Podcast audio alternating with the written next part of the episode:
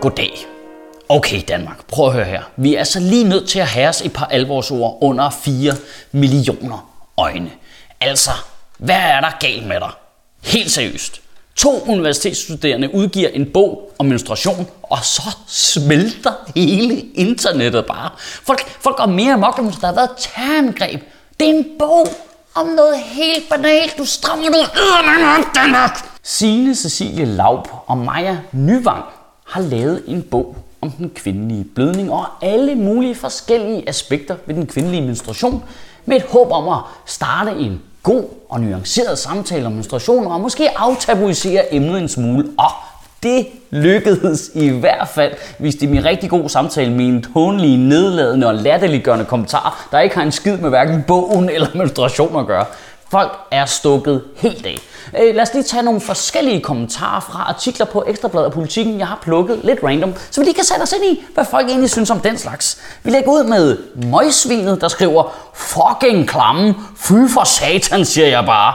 Ja, så er den gode samtale der allerede i gang, var. Marianne skriver, tag din menstruationskop og stik den op i røven. Det kan vi her fra Sjøtministeriets side ikke befale. Torben skriver, verden står i brand, men min avis bruger journalisttid og spalteplads, inklusiv forsiden, på at give frustrerede sin pubertetstøser promovering til deres kvababelser. Jeg, jeg ved ikke engang, hvad kvababelser betyder. En anden skriver, jeg tror, jeg vil lave en bog for mænd om bremsespor. Det er ikke noget skammes over. Bare gå rundt i bare røv og lave fartstriber over alt, hvor du vælger at sætte dig ned.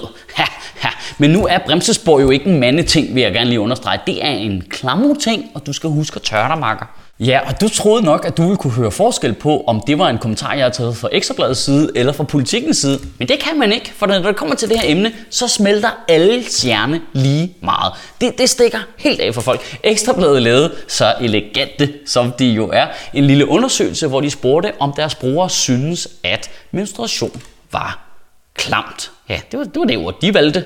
Øh, det mente 43 procent af Ekstrabladets brugere. Og nu er jeg godt klar over, at Ekstrabladets brugere måske har en følelsesmæssig tolerance på et niveau med en ørnsvist. Men det siger altså noget om, at det er noget, vi er nødt til at have sådan en god voksen snak om det her. Jeg ved simpelthen ikke, hvad det er, der sker inde i hovedet på folk, når det handler om menstruation. Jeg ved ikke, hvorfor det er så meget værre end alt muligt andet. Folk reagerede ekstremt voldsomt på det billede af en brugt tampon, der var på forsiden af politikken. Og det er jo et, et enormt stilistisk pænt billede. Jeg afkodede det slet ikke til at starte med. Jeg tænkte bare, hvad er det sådan en eller anden ny slatten øko-ispind eller et eller andet. Jeg, jeg kunne slet ikke se, at det var en tampon.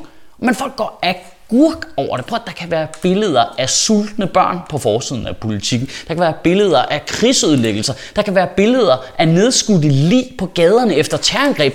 Men, men ikke noget menstruation, så smelter folk bare ind i hovedet. Altså. Prøv at tænke på, hvor meget udpenslet vold vi ser i tv og film. Det, du kan bare se en Tarantino-film, hvor folk bliver skudt på klodshold i ansigtet af Samuel L. Jackson, så blod og hudflapper bare flyver over det hele. Du kan se Game of Thrones, hvor der er en mand, der dræber en anden mand ved at tage hans hoved, tage sin og mose dem ind igennem øjenæberne og knuser hans kranie, så hjernemassen løber ud, og folk er bare, Nå, det er fint, ræk mig popcorn. Hvad er det en tampon? Æv!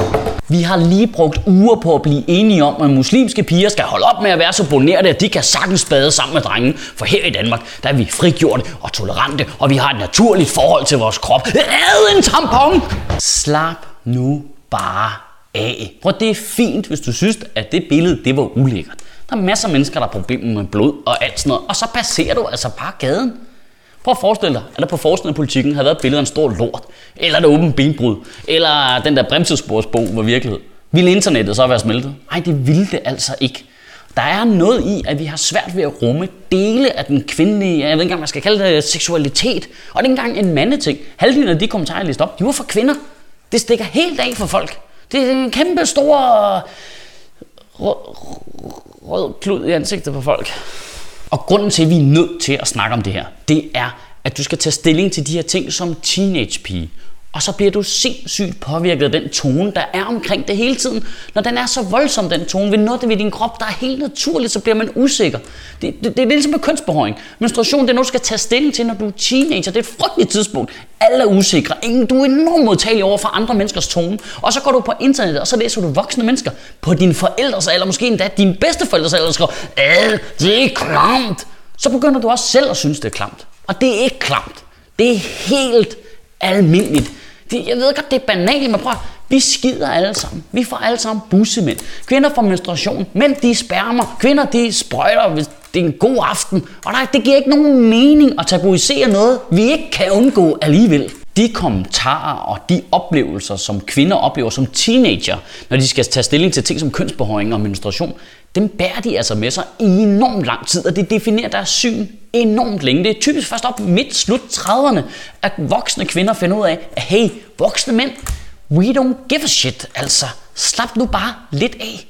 Og nu ved jeg tilfældigvis, at der er rigtig mange gymnasieelever, der sidder og kigger med på de her taler, så jeg har enormt meget lyst til at sige til alle gymnasiepigerne derude, prøv at lad være med at lytte til alt det lort der.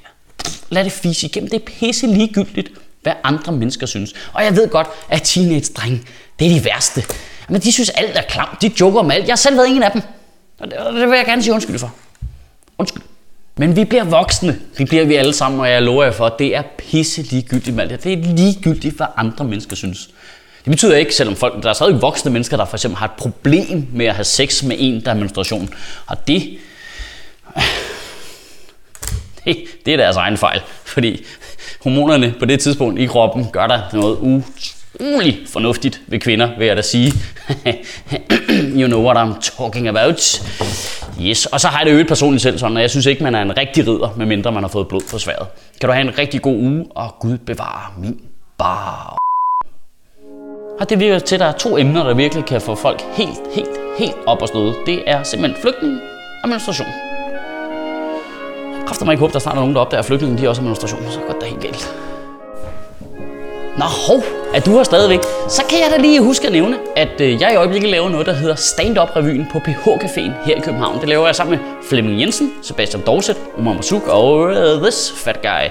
Og det skal du komme ned og se. Det er simpelthen, vi øh, er lige blevet færdige med de første forpremiere, og det er gået pissegodt. Det er en blanding af stand-up og revy, det vil sige, vi laver sketches, og vi laver stand-up, og jeg synger en sang. Det er frygteligt, men jeg synes virkelig, du skal komme og kigge. Øh, du finder dine billetter på phbooking.dk, og de koster 200 kroner, hvis du er sådan en smart en, der er ung